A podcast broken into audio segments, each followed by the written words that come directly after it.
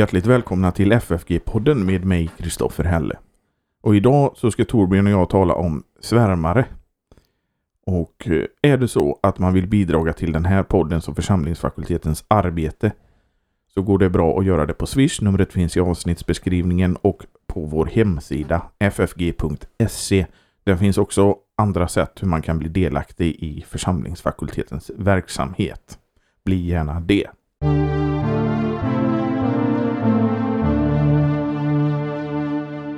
Torbjörn, svärmare ska vi tala om idag. Ja. Vi, vi får nog börja i reformationen.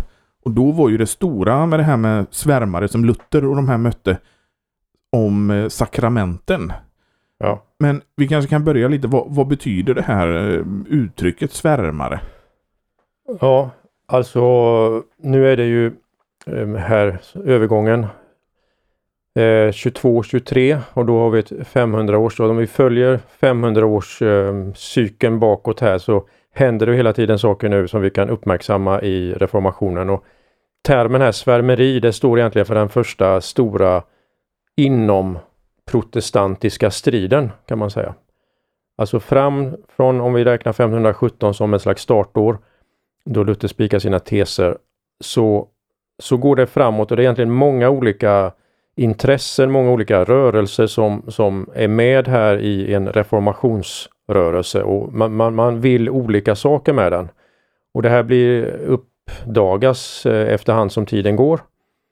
Och den första då stora striden inom de som har anammat den här eh, viljan att reformera kyrkan. Den är mellan en, eh, en teolog som heter Andreas Karlstadt som var med i Wittenberg och en av Luthers medarbetare.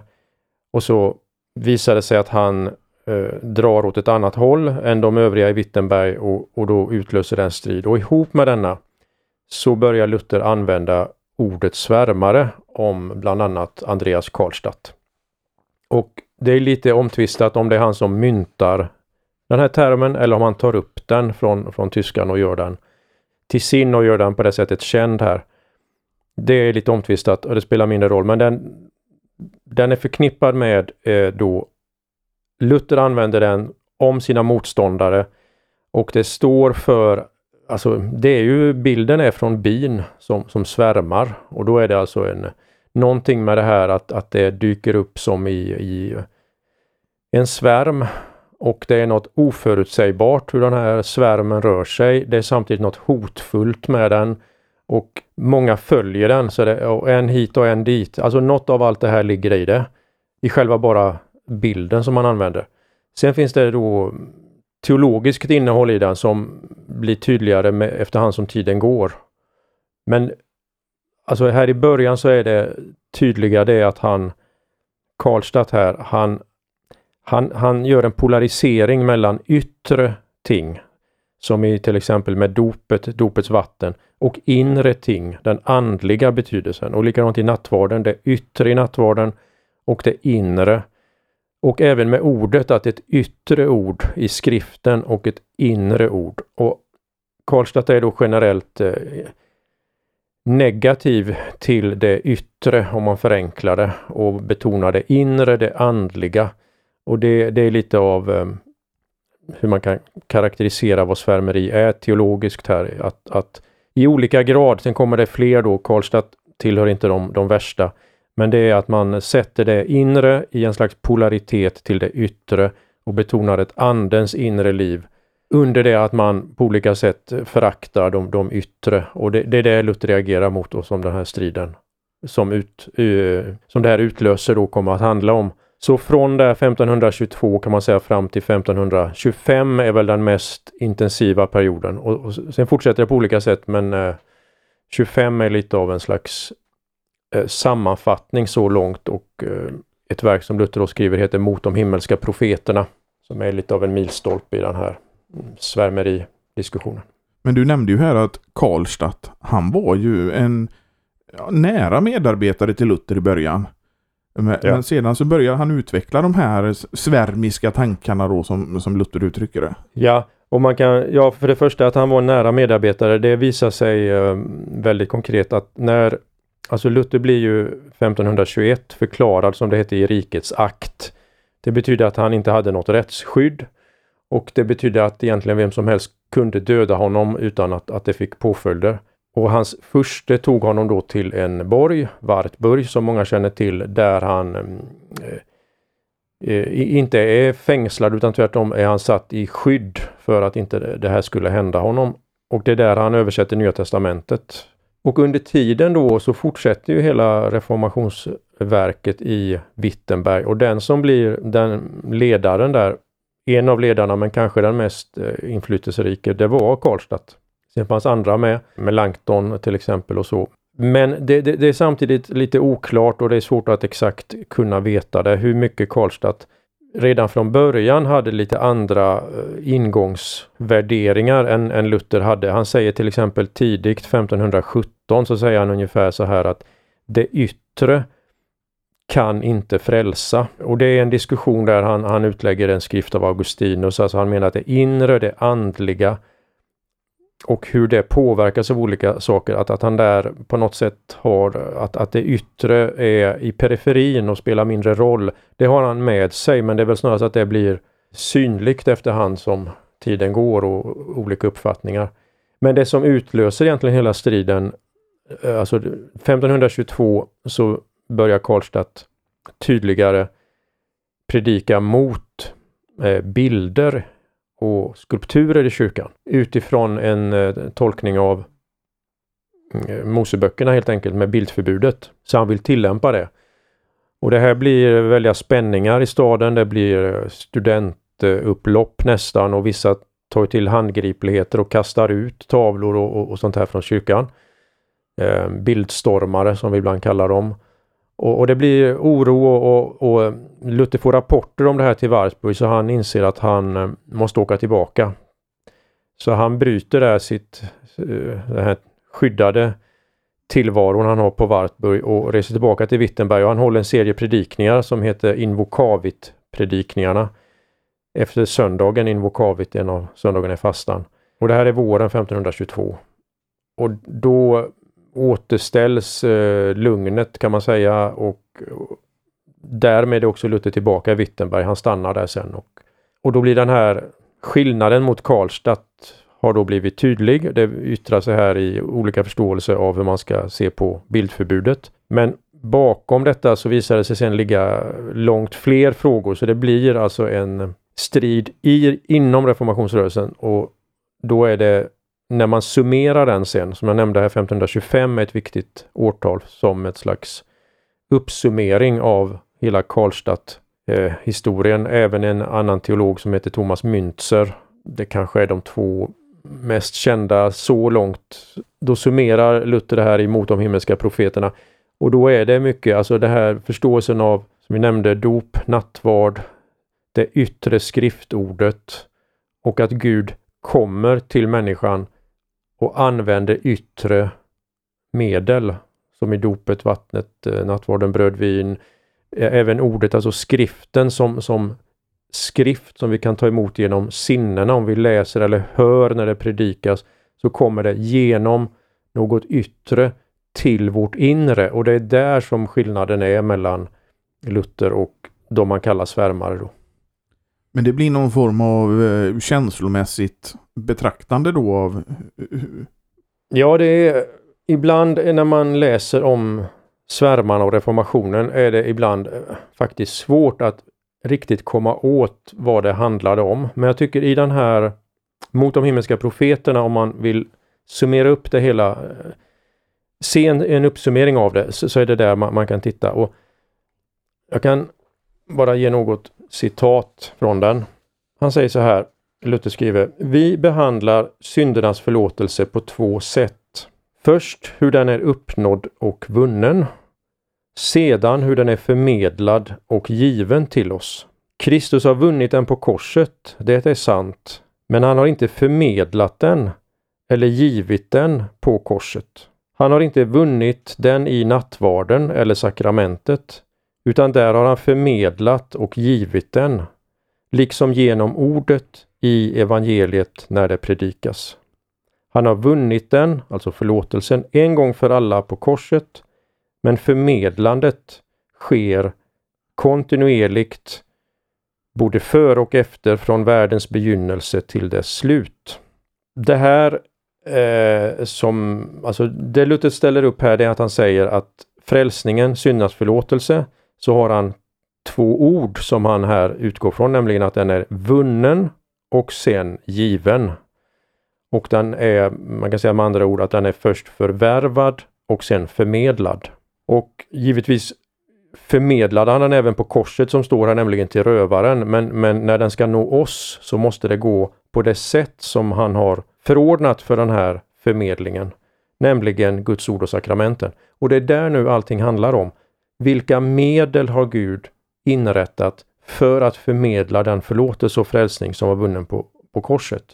Och då lägger Luther väldigt stor vikt vid att vi är bundna till de ordningar som Gud själv har förordnat. Alltså, och i dem så har Gud använt sig av materiella ting. Och han, han ställer aldrig upp någon eh, motsats här mellan ett andligt, alltså något frälsande i, för vår själ, för hela vårt jag, och att det skulle stå i någon motsättning till att Gud använder materiella ting, utan tvärtom. Och här tror jag personligen mycket att det är Luthers gammaltestamentliga eh, han var professor i Gamla Testamentet och han var formad av det och hela det hebreiska gammaltestamentliga, det goda i det skapade finns med. Så att, att Gud skulle använda sig av materiella ting för att förmedla något andligt, det är, det är inget konstigt. Däremot, som Luther på flera ställen återger han hur de här motståndarna då, svärmarna, kunde säga vad kan en handfull vatten hjälpa själen? Det finns det här som alltså fanns hos Karlstad redan 1517 att det, något yttre kan inte frälsa, kan, kan inte åstadkomma en andlig frälsning. Medan Luther tänker att eftersom Gud um, som har skapat allt har valt att använda nu vatten i dopet, då är det vår väg att ta emot de gåvor Gud vill ge och vi är, vi är bundna till dem. Gud kan, kan agera hur han vill. Man brukar säga att vi är bundna till, till Guds ordsakramenten. Sen vad Gud gör, eh, det kan inte vi spekulera kring, men, men vi är bundna. Men, men så såg alltså inte Karlstad och andra på det, utan det var att en, en stark polarisering mellan materiellt och andligt. Och för att ta ett exempel hur, hur det kunde ta sig uttryck då. Eh, Karlstad tvingades eh, lämna Wittenberg och det var särskilt vissa områden där han eh, blev väl mottagen om man lyssnade på hans budskap. Och vid ett tillfälle så gjorde Luther en eh, resa i de här områdena och eh, det finns där återgivet hur han träffar en, eh, lekman, jag tror det var en bonde. Och Det förs ett samtal och då säger den här bonden att själen måste möta Gud. Liksom bruden möter brudgummen i, eh, på bröllopsnatten utan kläder. Och det betydde att möta Gud bortom det materiella, utan något materiellt. Det var själens möte med Gud. Och det betyder att man ville liksom komma bort bortom allt materiellt och man skulle lämna allt detta bakom sig för att möta Gud i det rent andliga. Och det här finns hos, hos Karlstadt. Det ledde alltså till att man också njutningar, till exempel mat och liknande, skulle man eh, inte eh, ägna sig åt. Karlstad säger på ett ställe det är bättre att strö aska över maten än att den fyller dig med, med, med glädje för du, du skulle inte vara kvar i det materiella. Och Det finns på ett ställe där Karlstad till och med säger att när vi ska möta Gud måste vi lämna allt. Och det här var ett väldigt viktigt, viktig tanke för Karlstad, nämligen detta att lämnande, att man ska tömmas på allt som är eh, kopplat till den materiella världen. På tyska talar han om Gelassenheit. Att, att alltså alla bindningar till det materiella och det världsliga måste måste kapas och man ska tömmas på allt sådant. Kopplas loss från det eller man ska, ska uttrycka det. Och på ett ställe så säger han att man till och med ska lämna mm, kopplingen till, till, eh, till skriften för att möta Gud. Och det här visar hur, hur radikalt radikalt annorlunda detta är jämfört med, med Luthers tankar där det istället är att det är just i skriftens ord och i nattvardens element och i dopets vatten. Det, det är där vi möter Gud för det är det han har lovat. Så där blir det materiella ett förmedlande, det som förmedlar ihop med Guds ord och löfte. Men inte så för, för Karlstad utan han har den här polariseringen mellan, mellan inre och yttre som, som jag nämnde. Det är väl en av de viktigaste skillnaderna. Sen ska jag, för att göra rättvisa åt Karlstad, ska man minnas att det här att han nu ställer till och med skriften i en mening mot det här inre som han, man talar om och att det icke kroppsliga, icke materiella. Det verkar vara väldigt ovanligt för annars är han han är väldigt upptagen av bibelordet eh, Karlstadt.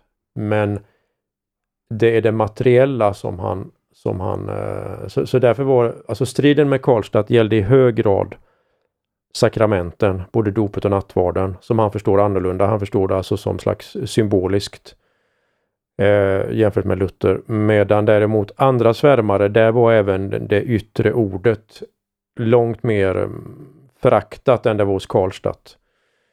I en mening var det det hos Karlstadt också, men, men det blir eh, långt värre hos vissa andra.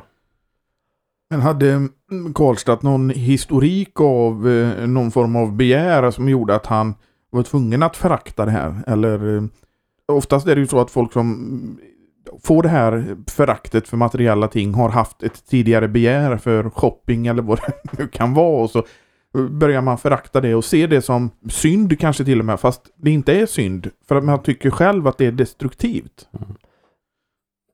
Jag tror inte att man känner till något sånt hos Karlstad. Eh, utan jag tror att han är påverkad av, av den här tidens mystiska traditioner som går tillbaka till medeltiden då det fanns ett starkt drag av den här polariseringen mellan liksom andligt materiellt som på många sätt är ett, ett drag som går tillbaka egentligen ända till nyplatonismen i antiken. Där eh, ja, förenklat brukar man säga att, att nyplatonismen med sin liksom dialektik och spänning mellan då materiellt och andligt står i en motsättning till det eh, gammaltestamentliga hebreiska där det skapade ses som något gott. Men den här mm, nyplatonska draget som finns, finns i väldigt mycket av medeltida eh, mystik. Och Personligen tror jag att Karlstad kommer ur, ur, ur detta och det förstärks här med, med tiden då. Och det kan vi säga då om han är in, influerad av nyplatonism så, så säger ju Melanchthon till exempel att eh, allting är förpestat av aristotelisk och platonsk filosofi. Jo, när det gäller det här temat med svärmarna och synen på det materiella så var det ju särskilt frågan om, om Platon eller nyplatonism och um, det, det, är en väldigt stor fråga som är svår att besvara så här entydigt men det är alltså den medeltida mystiken som den mötte reformatorerna, hur de egentligen ställer sig till den. Jag menar Luther hade väldigt stor hjälp vet vi av Tauler och andra som, som han uppskattade mycket. Men samtidigt finns det i, i den här mystiken drag där, där det andliga ja, polariseras gentemot något fysiskt, också kroppsligt. Mm, och det blir en, man kan säga, olika reception av det här mystiska arvet, olika utveckling av det. Man tar det och utvecklar i olika riktningar. Och det blir en, en skärpning här i, i, i och med reformationen i de här svärmiska kretsarna. Eh, Torbjörn, när vi nu nämner mystik så kanske vi kan eh, ge en liten kort förklaring till vad mystik är för någonting. Ja, jo men det är en eh, bra fråga och det är, det är väldigt svårdefinierbart på ett sätt för det kan användas i, på väldigt många olika sätt. Men när jag nu talar här om den medeltida mystiken som man anknöt till så kan man säga att det, det var alltså kretsar och, och, och, teologer som sökte sig mycket till, till det inre. Du ska gå in i ditt inre, du ska söka Gud eh, i, i vad man kallar det, din själs grund, en själsgrund, alltså någonting i ditt innersta där du kan möta Gud. Och ofta är det här kopplat till eh, erfarenheter, upplevelser och mm, nu tar det sig väldigt många olika uttryck, men ibland är det att man inte eh, fäster sig så mycket vid yttre ordningar utan eh, går in i den här liksom inre resan, in, in i sig själv och att möta Gud. Där möta Gud i tystnad och olika övningar. Och, och, alltså, det här blir ju ett, en form av eh, frigörande på ett sätt från vissa yttre former och, och läror också som gjorde att det fanns ett utrymme, en mening, i vissa mystiska kretsar för att eh, också skapa en slags grogrund för eh, reformationstankar. Så det gjordes ju flera försök till, reformations, till eh, reformation av kyrkan under medeltiden i, i många olika rörelser men här fanns någonting som man anknöt till och i, som sagt i vissa av de här så var askeset väldigt viktigt. Att du skulle späka dig genom fastor och, och även själv att gissla sig själv och liknande. Det fanns Alltså det här att man inte fick njuta av det skapade, det var ingenting som Karlstadt eh, kom på utan det var något som var eh, vanligt i vissa kretsar som han för, med sig in då. Du nämnde eh, Thomas Münzer innan. Det var ju också en av de här som Luther kallar för svärmare. Ja. Han var väl eh, ärkesvärmaren kan man säga. Alltså det, det, vill man hitta en riktigt stor motsättning så är det mellan eh, Luther och Münzer. Det var en av de hårdaste motsättningarna som överhuvudtaget blev. Ehm, um, Münzer är det finns likheter utifrån vad vi nu har sagt här med eh, Karlstad Karlstadt, men det finns också olikheter. Bland annat hade Münzer, han hade eh, mycket av det här att de kristna i det nu, alltså att det skulle upprättas ett yttre gudsrike här på jorden. Så det fanns alltså politiska eh, aspekter och detta skulle åstadkomma genom eh, vapenmakt så att det fanns eh, Luther kallar dem ibland för en mordande. Det blev ju uppror och det här sammanföll delvis med de här stora rörelserna som, som ledde till bondeuppror. Och Karlstadt var, var en del i det men det, då, då var det den här gudsrikestanken han hade. Så det finns väldigt mycket att säga och det här var en väldigt, väldigt skarp motsättning mellan Luther och, och Münzer.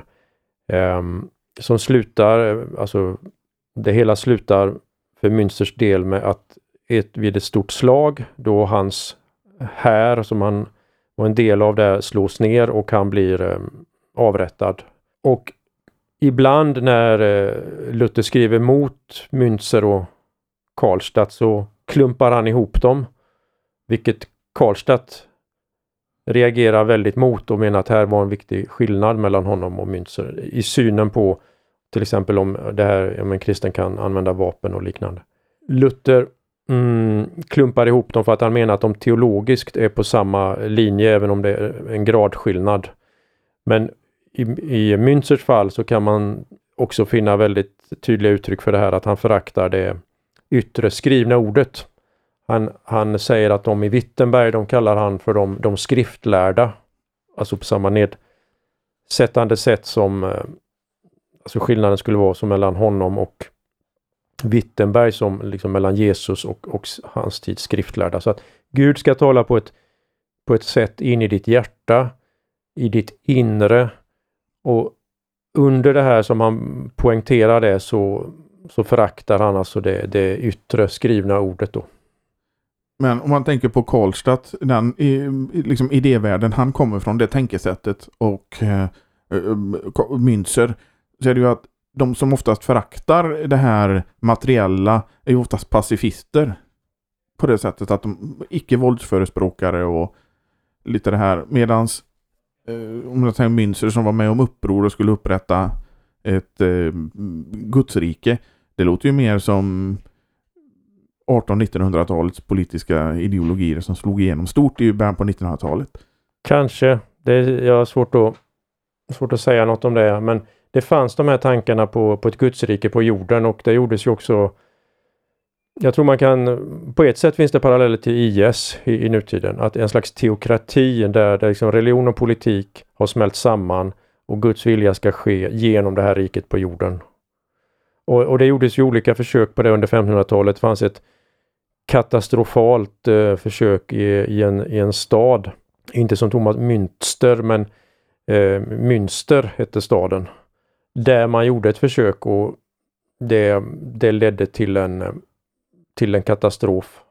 Eh, ledarna, det blev ett väldigt auktoritärt ledarskap. De försvarade bland annat eh, eh, äktenskapsbrott och, och, polygami och liknande som, eh, som slutade också med att det blev ett, ett slag mellan eh, ja, världsliga makter och det här, den här staden och, och återigen med en katastrof likt Thomas Münzers eh, nederlag.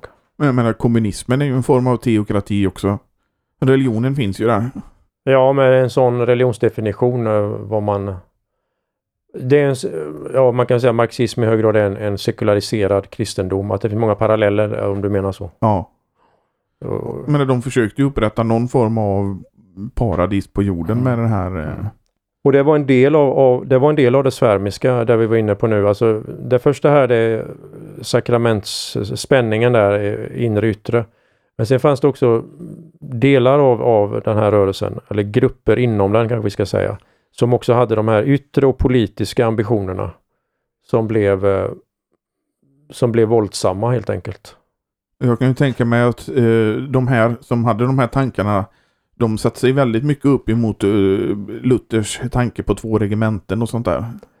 Ja, det var, det var en av stridspunkterna, eh, tvåregementsläran. Men det var också hela denna nu, eh, detta faktum då att Luther var ju skyddad av en furste där på Wartburg och sedan även fortsättningsvis att han kunde vara i, i Wittenberg och hela denna eh, furstendöme. Det var ju för att eh, fursten var positivt inställd. Medan de här andra grupperna såg detta som en eh, form av eh, först eh, furstefjäskande kan man säga. De var de radikala, de fria, de som också hade det besvärligt. Medan Luther såg, sågs då, alltså i propagandan och på olika sätt som den som, som hade det bra där, blev skyddad av en furste och inte var liksom radikalt kristen.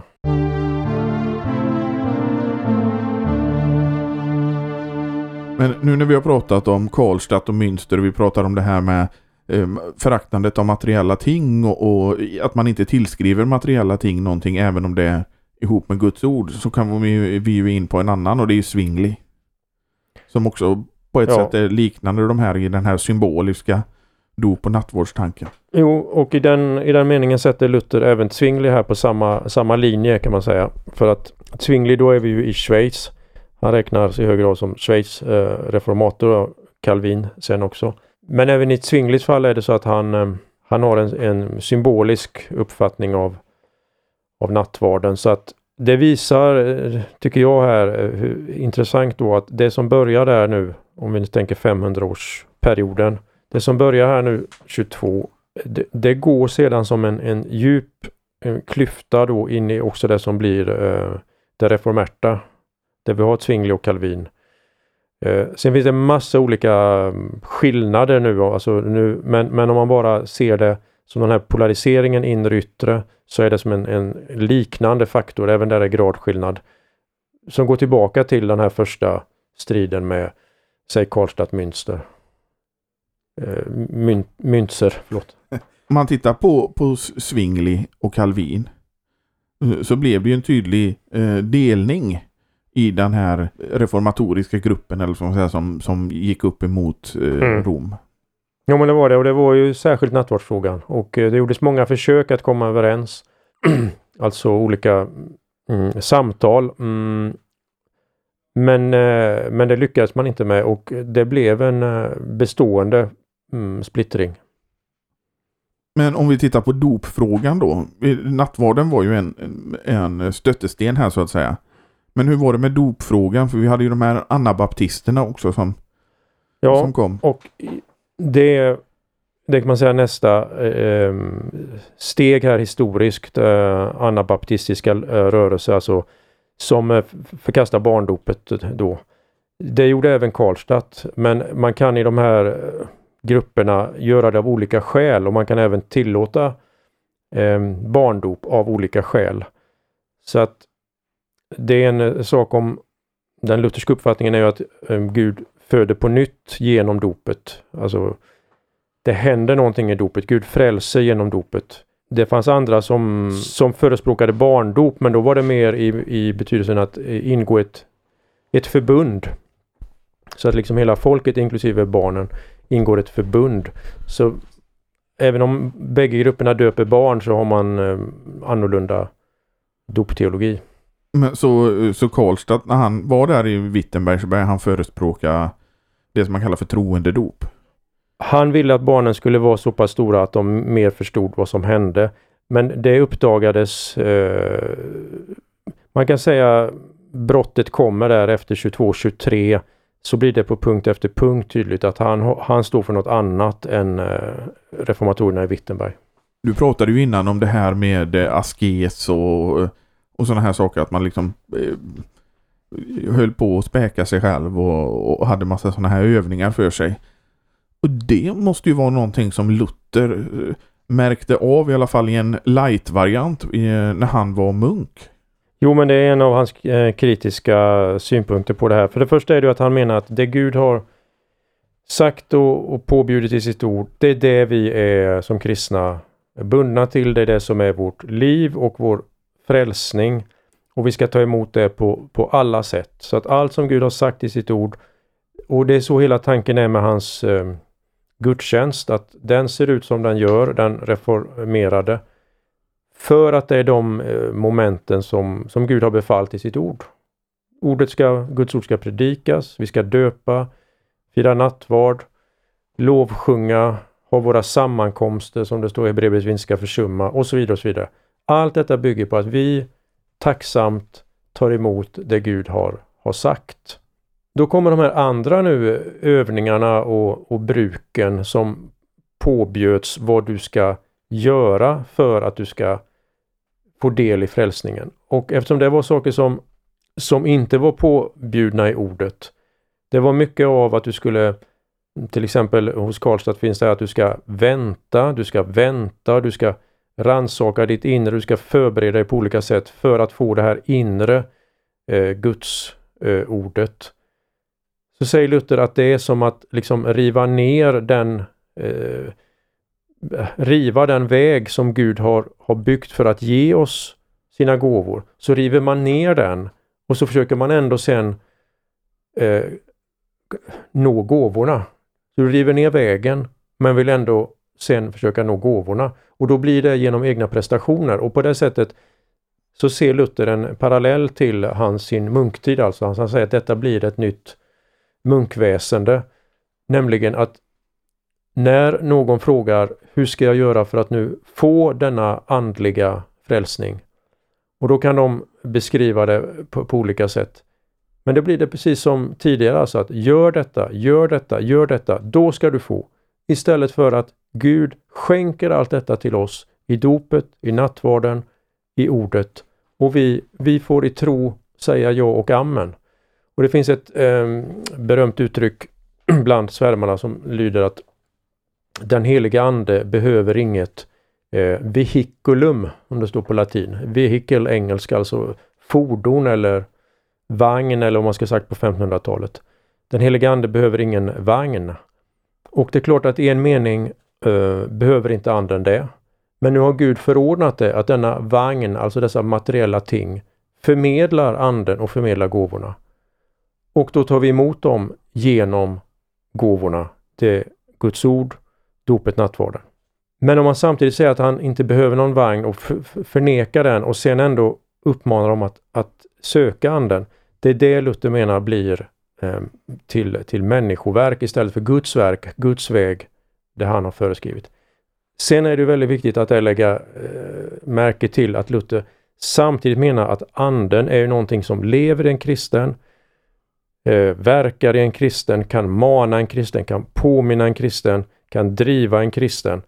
Så att man får inte missförstå det han här säger att anden och ordet och anden och, och det yttre eh, materiella är, är hopkopplade. Det är det som ett löfte som vi tar emot.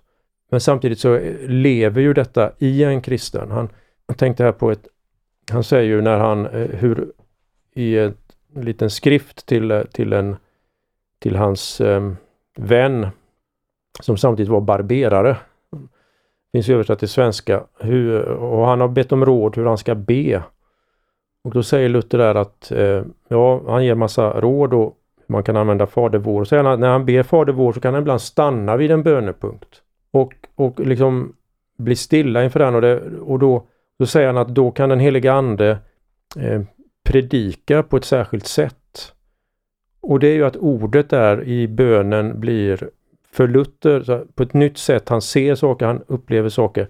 Så att detta att anden är verksam i bönen, i ordet och levande gör det på olika sätt här. Det, det är ju en realitet som man beskriver på många andra ställen. Och Det är inte alls det det handlar om, om det skulle finnas eller inte, när man nu talar om svärmarna, utan det är det här han säger på ett ställe att mm, de högaktningsfullt föraktar det yttre ordet och tar människor bort från det. Som att det är liksom bara något eh, dött. Utan det är istället ett inre ord som du ska söka genom dina andliga övningar. Det, är det som, som den här striden gäller där på 20-talet. Det finns alltså ingen andens fattigdom som vi skulle säga? I en mening så, så ville, de, ville de ju nå det, alltså att du skulle utblottas på allt eget. Du skulle bli helt nollställd liksom inför Gud och, och för att kunna ta emot anden. Men problemet var väl, skulle jag säga i så fall, att man försökte söka det på mänskliga vägar istället för att det är Guds ord som kan göra det fattiga anden. Eh, hans ord, hans lag samverkar med evangelium här men, men eh, här söktes det på andra vägar än de som Gud hade själv föreskrivit. Jag tänkte på det du sa, stanna upp för bönepunkterna i Fader vår. Mm. Vår vän eh, Pekka Heikkinen han gjorde mig uppmärksam på en sak och eh, du vet ju vad eh, Luther säger om eh, det här vårt dagliga bröd giv oss idag i lilla katekesen. Ah, han, han nämner ju det i hus och det är hem och en god hustru och allt vad han säger. Mm. Men sen i en annan förklaring så säger han vårt dagliga bröd det är Guds ord. Mm. Det är vårt dagliga bröd. Mm. Människan lever av vart ord som utgår från Guds mun. För övrigt ett intressant, bara belysa Müntzer som, Müntzer som vi var inne på förut här. Han säger att människan lever, han citerar det, människan lever av vart ord som utgår från Guds mun. Och det sätter han då i motsättning till det som står i skriften.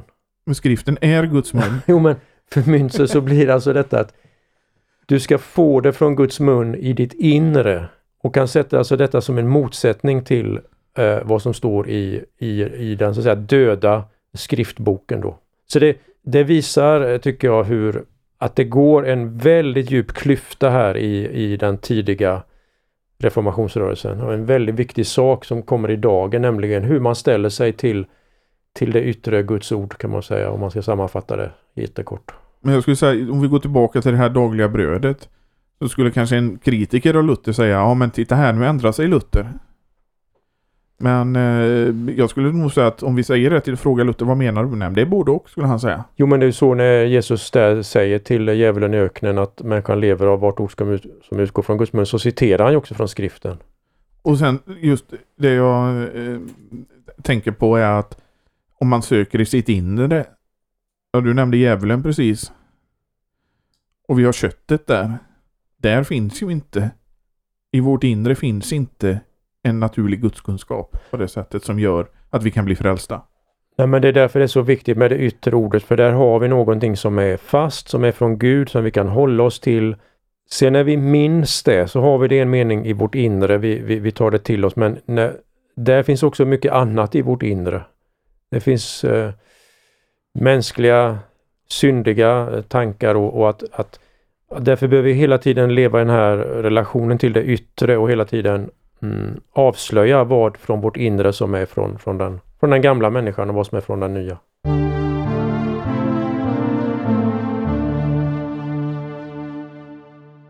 Tack Torbjörn för att du medverkade än en gång i podden. Och vi säger att om man vill ge ett bidrag till den här podden så församlingsfakultetens arbete så tages det tacksamt emot. Man kan göra det på Swish och då är numret 123 100 8457. Eh, numret finns i avsnittsbeskrivningen av detta avsnitt och på vår hemsida ffg.se. Och vi hörs igen nästa vecka. Hej då!